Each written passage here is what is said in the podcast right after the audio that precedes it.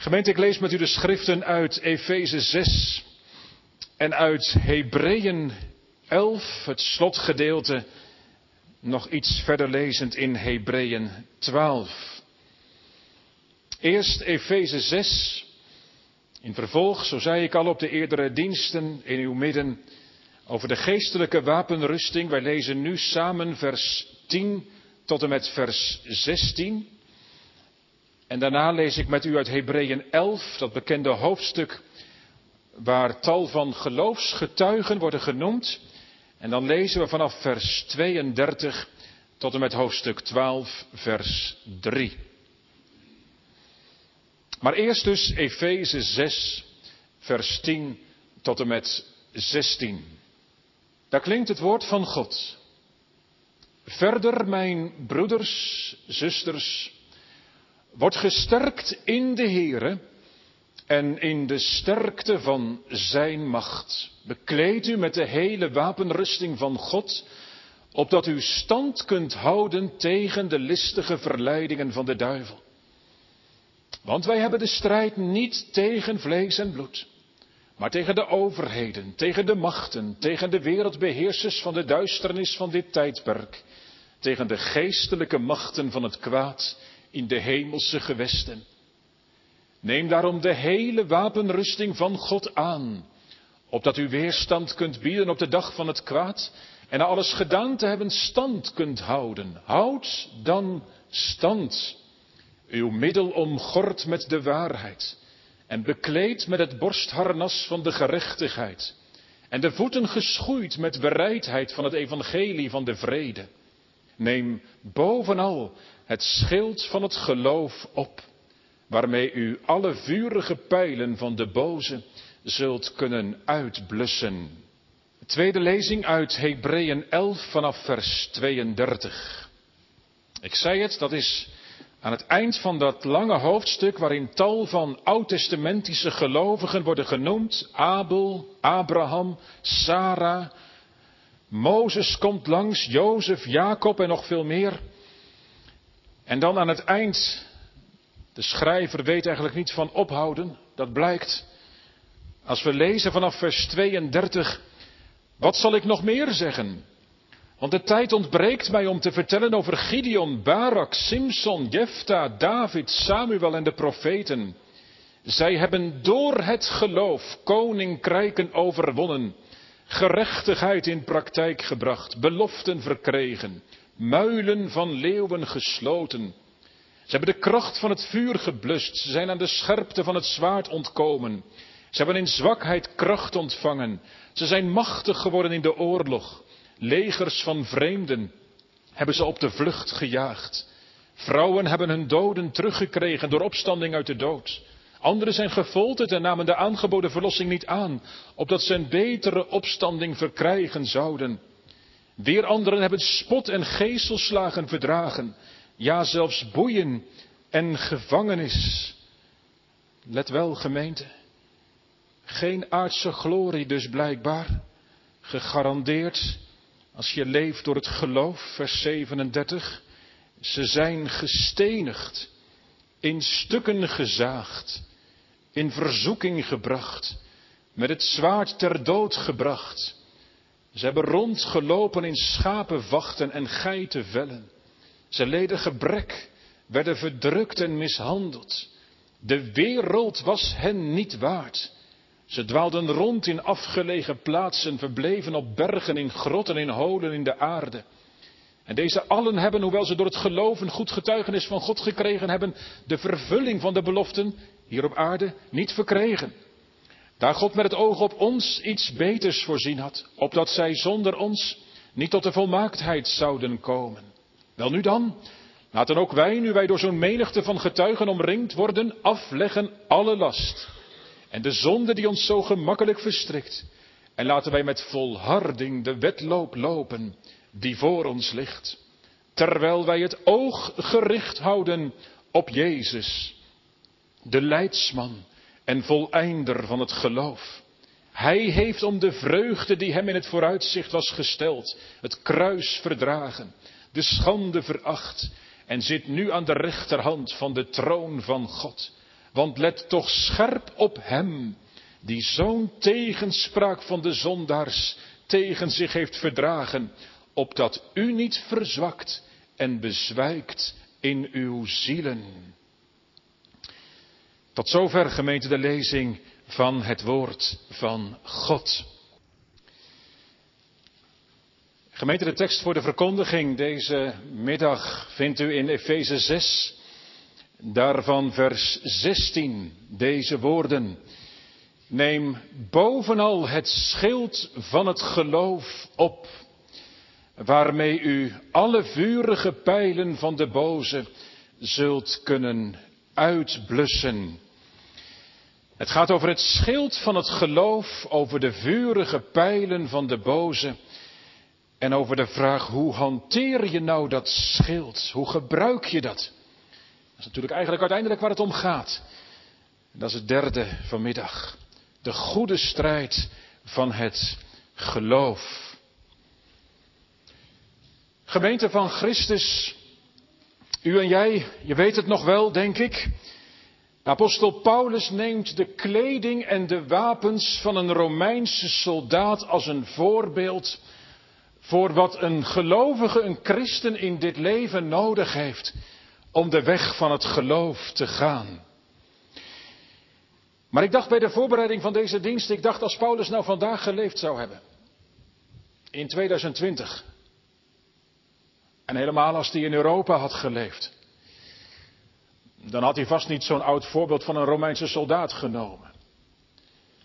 Dan had hij misschien wel gekozen voor voor internethackers. Je weet wel hoe geraffineerd die soms te werk gaan als je niet goed beschermd bent, zeker als je een bedrijf hebt. En, en, en ze krijgen het voor elkaar om in te breken via allerlei mogelijke middelen. En ze hacken jouw sites, ze hacken je beveiliging. Als die niet up-to-date is, die beveiliging, dan, dan ben je als bedrijf uitermate kwetsbaar. En als je nou denkt aan de tekst van vanmiddag, aan die pijlen van de boze. Mag ik het dan zo zeggen? De duivel is onophoudelijk bezig om jou, om u, om mijn leven te hacken. En als het hem lukt, is dat verwoestend. Dan legt hij een stukje van je leven, of misschien wel veel meer dan je wilt en dan je denkt, plat. Hou dat beeld maar een beetje vast vanmiddag. Als het gaat over het schild van het geloof en als het gaat om die vurige pijlen van de boze. Want, want de beveiliging die de Heere je aanreikt vanmiddag tegen al die hekaanvallen van de boze. De beveiliging is niet een complete gereedschapskist vol. Nee, dat is, dat is het geloofsvertrouwen op de Heere Jezus Christus. En gemeente, laat dit vanmiddag wel glashelder zijn. Het gaat hier in Efeze 6 over een levend christen. En een levend christen is niet zomaar iemand die in de kerkelijke register staat ingeschreven. Een levend christen, dat ben je als je opnieuw geboren bent. Als je de levende relatie met de Heer Jezus Christus kent door het geloof. Want, want wie niet leeft met Christus, ja, die heeft wel strijd. Ik bedoel, welk mens zou dat niet hebben? De strijd met dingen die in je leven kunnen gebeuren. Tegenslagen, rampen, noem het allemaal maar op, bedenk het maar.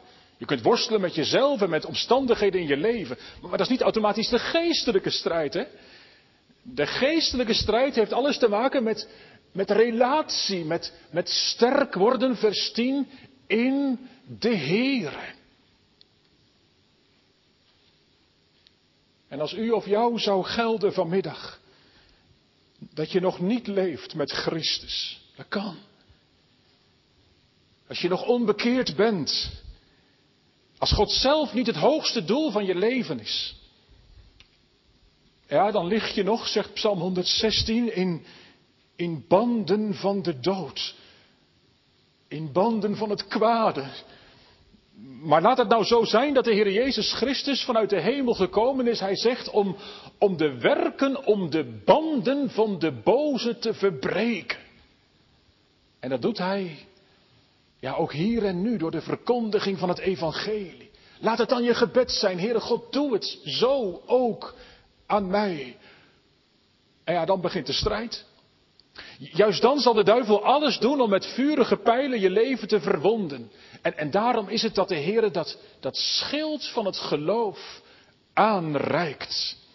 Gemeente, zie dat goed. Ook dit wapen is betaald met de dure prijs van Christus bloed. Ik kan dat niet genoeg benadrukken, elke keer opnieuw. Het is niet zomaar iets waarvan de Heer zegt, nou ja, hier heb je ook wat waarmee je een beetje de strijd aan kunt gaan. Nee, nee daarvoor kwam de Heer Jezus naar deze aarde. Daarvoor verliet hij de hemel. Daarvoor leed hij op de kruisheuvel Golgotha tot het allerdiepste. Maar hij heeft zijn kinderen, zijn gelovigen, niet alleen maar verlost van, van schuld en van straf, maar, maar hij geeft ook alles om, om in het geloof te volharden. Hier in de strijd van het geloof. die hele wapenuitrusting die komt van God en, en die is door hem verzorgd. Ook het geloof is een geschenk vanuit de hemel. En zo klinkt het ook in onze tekst in vers 16. Daar staat, neem het op. Je kunt ook lezen, neem het aan. Dus je hoeft het niet ergens te kopen. En, en begin er al helemaal niet aan om zelf een schild in elkaar te zetten. Nee, je hebt het aan te nemen, je hebt het op te nemen. Gemeente, ik benadruk dat eventjes, dat is net even een ander accent dan bij de vorige wapens. Wel goed om dat even te zien. U herinnert zich dat, denk ik, als u de eerdere diensten ook hebt meebeleefd, hebt ontvangen, dat die wapens die in vers 14 en ook in vers 15 genoemd werden over dat, dat omgord zijn, die gordel en dat borstharnas en, en die schoenen, dat we daarvoor gezegd hebben, ja, die, die moet zo'n Romeinse soldaat altijd paraat hebben. als je in je tent ligt te slapen en op het moment dat de, dat de vijand aan je tentdeur begint te rammelen en je moet je schoenen nog ergens vandaan zoeken, dan ben je te laat. Dan ben je verloren. Dus, dus die moesten ze altijd paraat hebben. Daar moesten ze voor zorgen dat ze omgord waren, dat ze bekleed waren, dat, dat die voeten goed zaten. Die schoenen aan de voeten. Maar onze tekst nu, vers 16, die, die zegt het toch anders. Als het gaat over het schild, dan, dan staat er dat het schild opgenomen moet worden. Opgeheven moet worden. op het moment dat de aanvallen van de boze plaatsvinden, dan moet de gelovige dat schild opheffen in zijn handen nemen. En vooral ook op de juiste manier gebruiken. Ik kom daar zo op terug. Want jongens, meiden, je moet weten, je had in die tijd twee soorten schilden voor zo'n Romeinse soldaat. Een klein schild en een groot schild. En dat grote schild wordt hier bedoeld. Dat blijkt uit het Griekse grondwoord, dat u natuurlijk weer mag vergeten, tureios. Maar, maar dat Griekse grondwoord voor schild, tureios, dat lijkt op een ander woordje in het Grieks, tura, tureios, tura. En als u een beetje mee wilt denken, dan hoort u zelfs het Nederlandse woord erin mee. Tura betekent deur. En die tureios, dat schild van die Romeinse soldaat, dat was een groot lang schild. Je zou bijna zeggen een deur. Waar je met je hele lichaam achterweg kon schuilen. Dat is de bedoeling. En gemeente, dat beeld van het schild kom je in de Bijbel veelvuldig tegen. En, en heel vaak gaat het dan over, over God als schild. Vooral in de psalmen. We hebben een aantal psalmen gezongen, we zingen er straks nog een paar, maar ik had er zo nog een paar bij je kunnen zetten. God als schild. Straks zingen we het. Want God de Heere, zo goed, zo mild, is te allen tijd een zon en schild. Psalm 18 die we net zongen. Hij is een schild, een schutsheer voor de vromen, voor wie tot hem de toevlucht heeft genomen. Psalm 118 die we zongen. Daar God mijn schild en hulp wil wezen. Psalm 119 ook heel mooi, vers 57. Gij zijt mijn schild, de rots waarheen ik vlucht. Hoort u het? God als schild. Zo wordt hij in de psalmen beleden. Maar gemeente, dat hebben de psalmen niet van zichzelf. Ik bedoel, dat hebben de psalmisten niet zelf bedacht. Nee, nee, zo heeft God zich in de Bijbel geopenbaard. En probeert u dat goed te ontvangen, goed vast te houden, goed te begrijpen. Want dat is zo belangrijk als het gaat om de betekenis van geloven. Kijk, God maakt iets van zichzelf bekend. U weet dat als ik dat noem, denk ik. Dat was bij Abraham. Bij Abraham. Toen zei God tegen Abraham, Abraham wees niet bevreesd en dan komt het, ik ben voor u een schild. Dus God maakte zich bekend en zei, ik ben voor u een schild. En die psalmisten, die hebben dat gelezen. Die, die wisten daarvan dat God zich zo bekend gemaakt heeft. En wat doen die psalmisten dan? Die, die draaien het om. Die zeggen tegen de Heere God, u zegt over uzelf, ik ben een schild. Nou heren, u bent voor mij een schild. Zo moet je dat doen, hè? Als je leest over wie God is, als God zegt, ik ben zo en ik ben zo en ik ben zo. Dat je in je gebed tot de Heere komt en zegt, Heere, u bent zo, u bent zo, u bent zo. Dat gebeurt hier in de psalmen. U bent een schild voor mij. Psalm 3 die we straks zingen. Trouwe God, gij zijt het schild dat mij bevrijdt. God zelf als een schild. God zelf als degene achter wie je schuilen mag.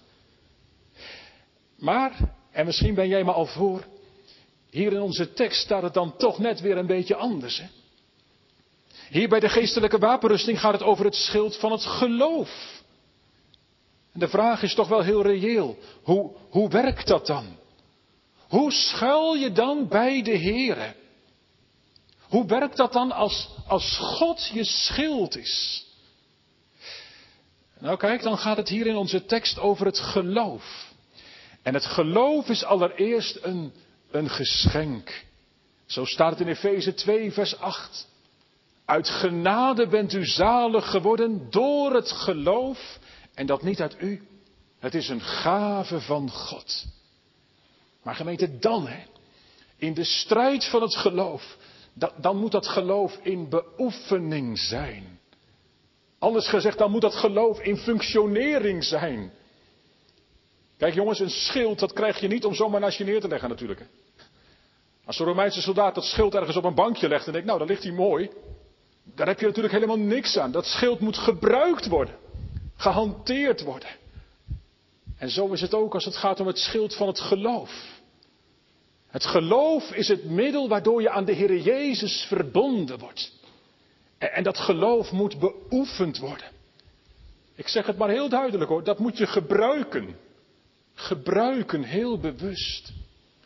En zoals we dat lezen van die geloofsgetuigen in Hebreeën 11, dan gaat het niet zozeer om tot geloof komen, dat was al gebeurd bij die personen, maar juist om een leven door het geloof.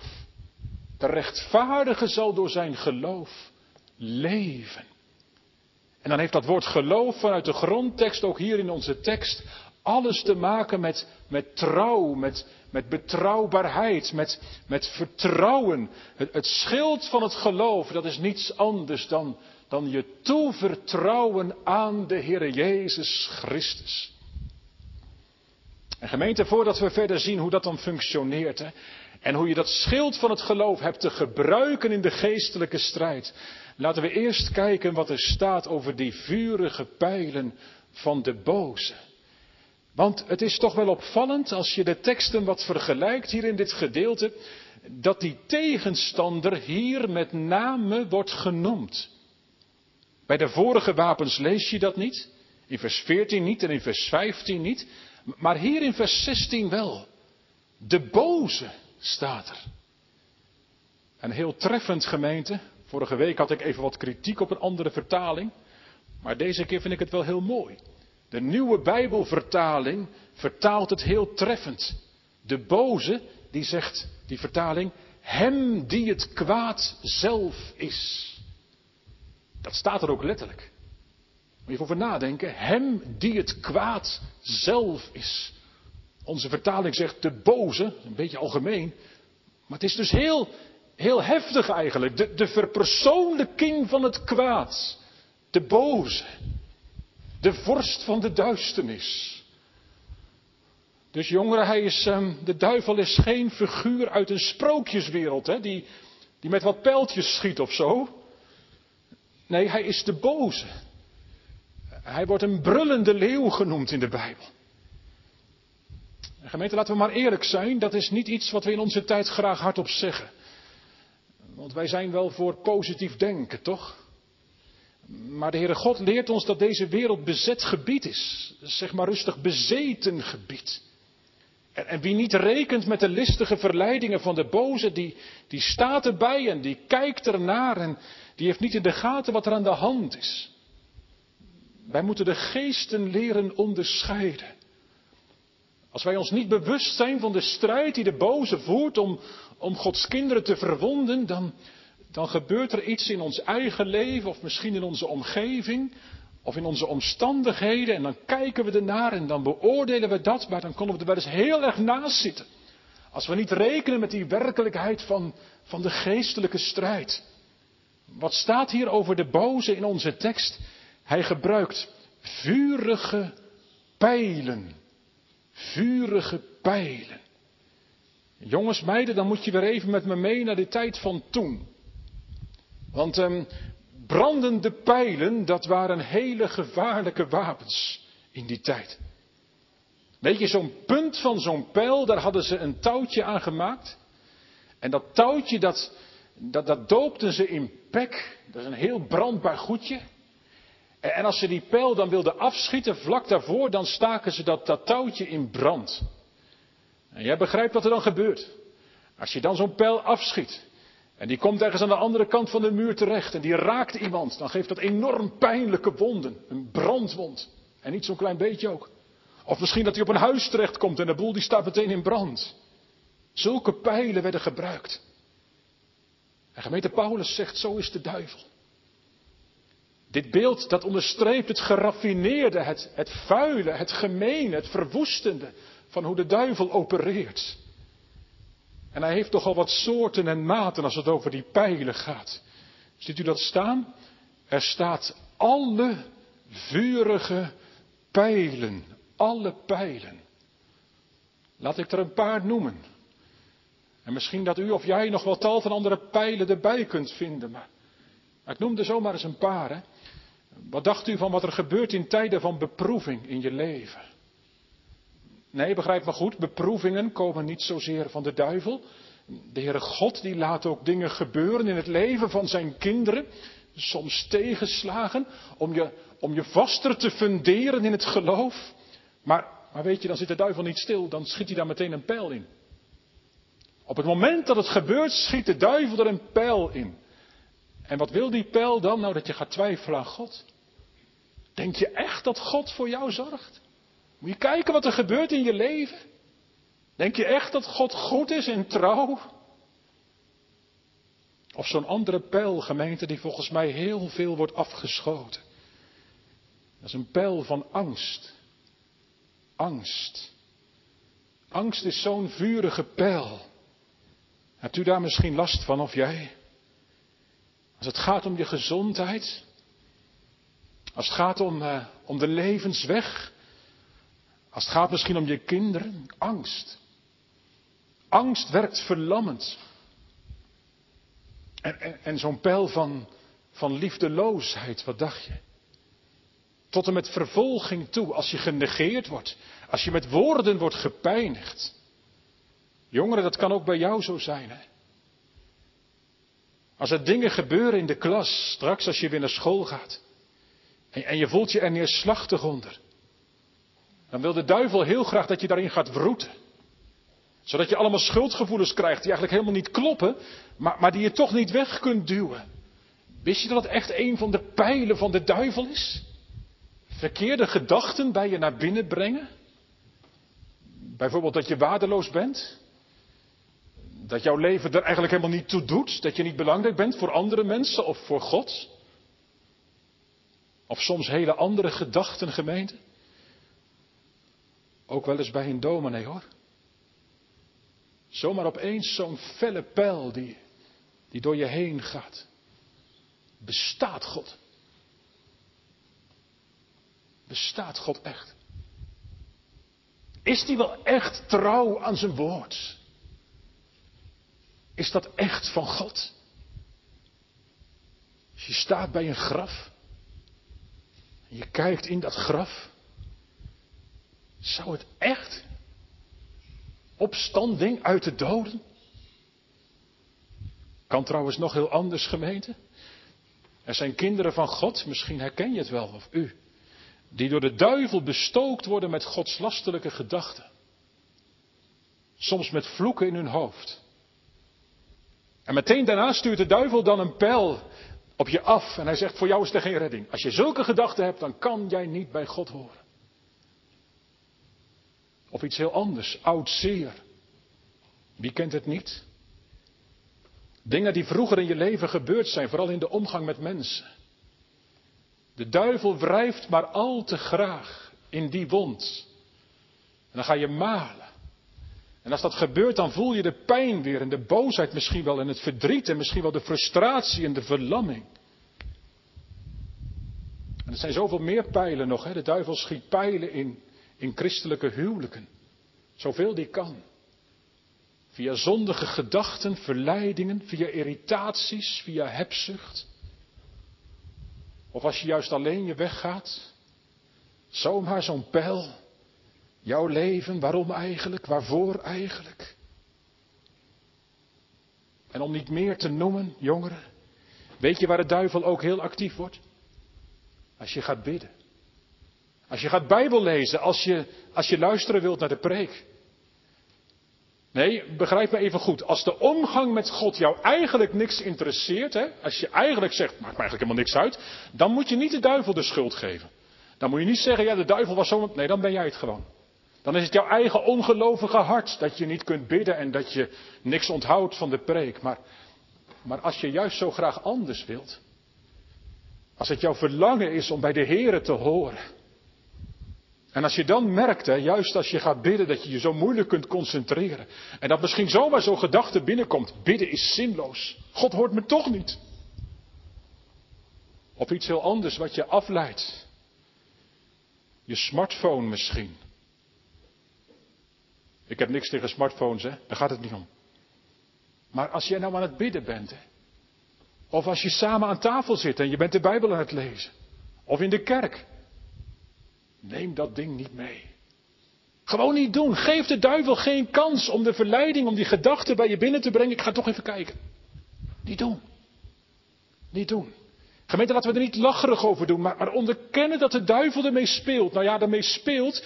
Gods woord noemt het vurige pijlen. En, en als wij spelen met die vurige pijlen van de boze, dan spelen wij met vuur. Paulus zegt, zijn listen zijn ons niet onbekend. Kunnen we dat nazeggen? Als de duivel iets wil, dan is het een weg drijven tussen God en onze ziel. Wat moet je dan doen als die pijlen op je afkomen? Bij de een dit, bij de ander dat. Nou, één ding moet je in ieder geval niet doen. En dat is vurige pijlen proberen terug te schieten. Denk daar even goed over na. Geen pijlen terugschieten van, van bitterheid, van boosheid, van frustratie. Niet doen, niet terugschieten. Maar wat dan wel? Wat wordt ons nou aangereikt in het heetst van de strijd als die pijlen van de boze op ons worden afgevuurd? Nou, dat is het schild van het geloof. En als je de Heer lief gekregen hebt, dan roept de Heer je op om dat schild ook, ook te gebruiken, te hanteren, om dat te beoefenen. En, en dat brengt me bij dat derde. Want wat betekent het nou om dat schild van het geloof op te nemen en te gebruiken? Gemeente, dat heeft alles te maken met, met het woord van de levende God. Het woord van de Heer. Want het geloof richt zich altijd op het woord van de sprekende God. Houdt u dat vast? Het geloof richt zich altijd op de mond van God. Terwijl de duivel in het paradijs al bezig was om daar twijfel over te zaaien. En zei, is het ook dat God gezegd heeft? Zo deed de duivel het. Maar het geloof richt zich op het vaste en betrouwbare woord van de Heer. Dus het schild van het geloof gebruiken, dat is steunen op het woord en je geloof daarnaar richten. Hoe en wat er ook aan pijlen op afgeschoten wordt. En de Heer Jezus deed het zelf. Die zei, er staat geschreven. En als je dat doen mag, dan worden die pijlen afgeketst. Hoe dat kan? Nou, niet omdat je geloof zo sterk is, maar omdat het geloof ons verbindt aan de levende Christus, aan het vlees geworden woord, aan de Heer Jezus. Geweten, voelt u dat het dus gaat over, over levend geloof? Het geloof is geen dood ding. Voelt u ook dat het iets anders is dan, ja maar ik geloof wel hoor. Hoor. Het levende zaligmakende geloof is, is geloof dat in beoefening is. Jongens, ik zei vorige week, misschien heb je het nog gehoord toen. Geloven is totaal iets anders dan je leven op cruise control zetten. Zo van, nou, nou weet ik het, puts, we gaan wel. Nee, zo niet. Want het geloof heeft te maken met, met de levende God, met het omgang met God. Gemeente, dat luistert nou. Ik heb het u wel eens vaker gezegd, ik, ik benadruk dat toch nog een keer. soms hoor ik dat zeggen en ik, ik, ik betrap mezelf er af en toe ook op. Dat je zegt, maar ik heb mijn geloof nog, gelukkig. Als ik mijn geloof niet had. En dat bedoelen we natuurlijk goed als we dat zeggen, maar, maar moet je dat toch niet anders zeggen? Als ik mijn God niet had. Als God mij niet had. Daar gaat het om. Ik ontleen mijn kracht niet aan mijn geloof, maar aan de God in wie ik geloof, aan wie ik mij toevertrouw. Jongeren, ik denk aan die drie vrienden van Daniel.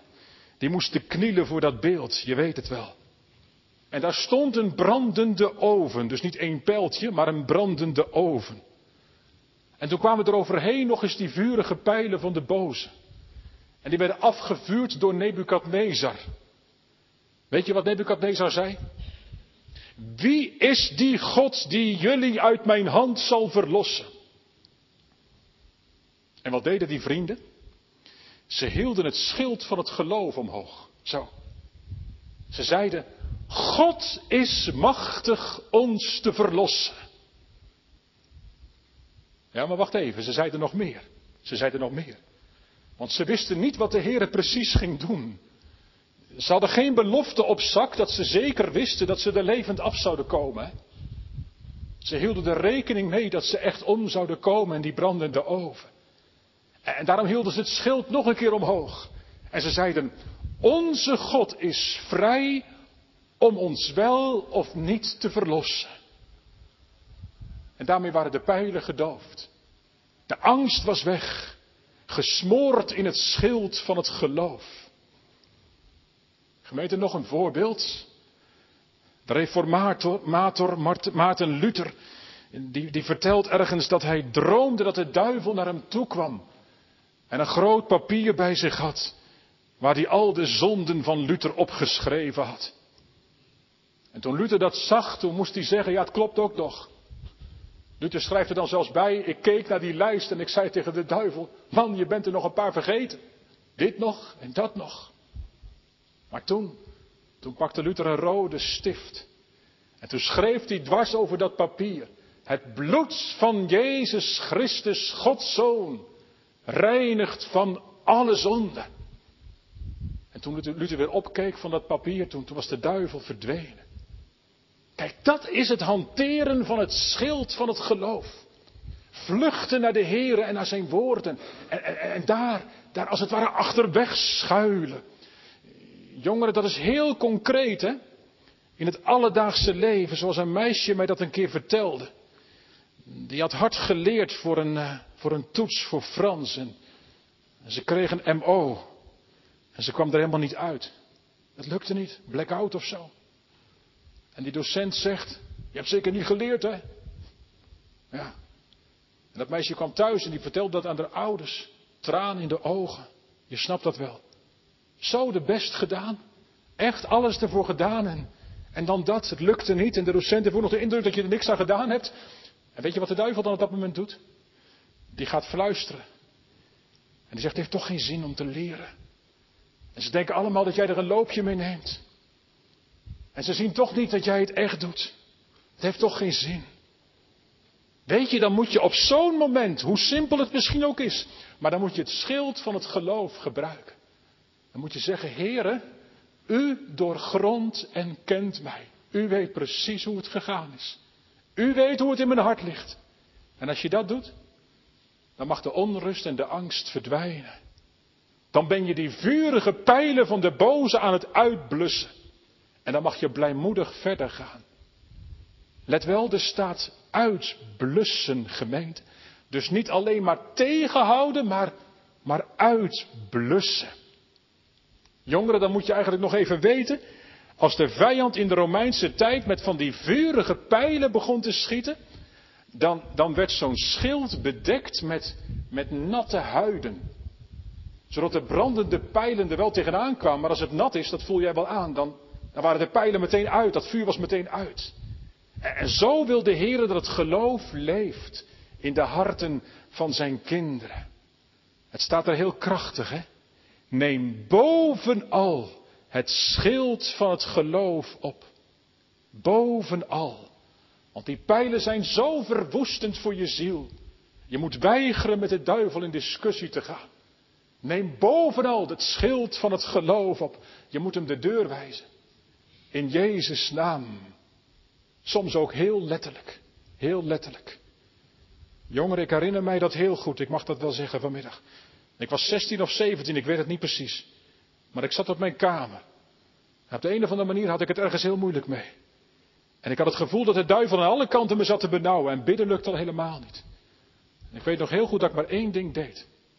En dat is alleen maar de naam van Jezus uitspreken. Jezus. Jezus.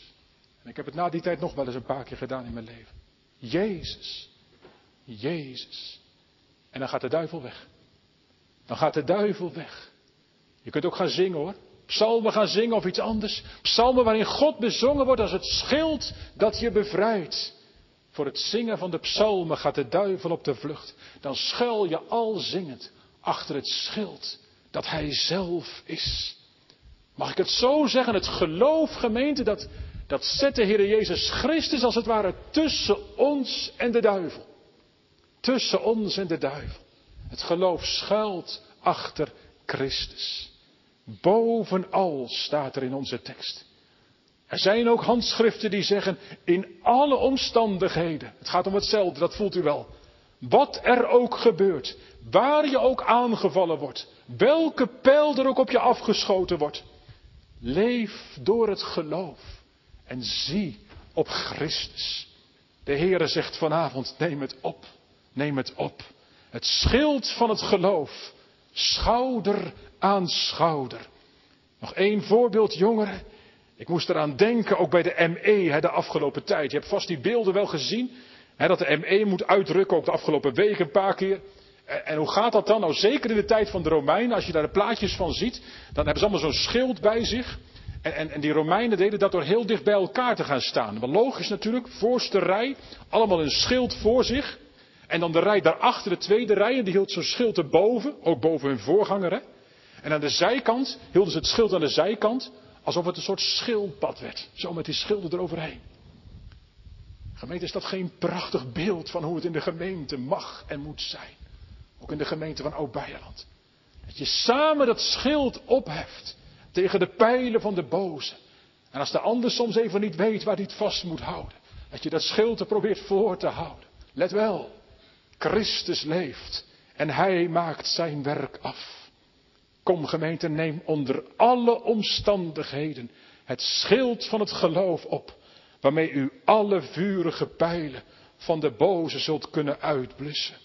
En, ehm, en doe dat vooral ziende op de Heer Jezus. De Heer Jezus die, um, die ogenschijnlijk naakt op Golgotha aan het kruis hing. Kom, gaat u tenslotte nog mee naar Hem. Want daar, daar was het dat, dat de hele hel loskwam. Hè? En dat er niet zomaar één pijltje werd afgeschoten, maar, maar het was één grote bombardement, zo kan ik het wel zeggen. Van pijlen van de boze gericht op Christus. En hij liet het komen. Hij liet het komen. Hij, hij kwam terecht, zegt de Bijbel, in de allerdiepste versmaadheid en angst van de hel. En, en toen in die helse strijd heeft Christus de schuld verzoend voor zijn kinderen. Maar dat niet alleen. Hij heeft ook deze wapens betaald met zijn bloed. En gemeente, daar op Golgotha, daar heeft de Heer Jezus ons geleerd hoe je nou in de diepste aanvechting het schild van het geloof moet hanteren. Want op het dieptepunt van zijn lijden, in die stikdonkere duisternis, toen hij de vadernaam niet eens meer uit kon roepen, toen heeft hij zich, zich er doorheen geloofd. Door het uit te roepen, mijn God, mijn God. Zo heeft hij zich er doorheen geloofd. En, en dat deed hij, hij plaatsvervangend. Voor u, voor jou. Als je misschien zegt vanmiddag, ik weet niet hoe ik dat doen moet. En als het toch in je hart brandt, ik, ik geloof, Heer, kom mijn ongeloof te hulp. Dan zegt de Heer Jezus vanaf de kruisheuvel, hij zegt, nou dat doe ik, dat doe ik. Ik geloof voor jou, mijn God, mijn God. Maar um, wil jij dan wel naar mij blijven kijken? Let scherp op mij, opdat jij niet verzwakt en bezwijkt in je ziel. Opdat je bij alle vertwijfeling zult zeggen met Paulus, ik weet, nou, heel veel weet ik niet, maar ik weet in wie ik geloofd heb. Mijn Heere, mijn Christus, mijn God. Amen.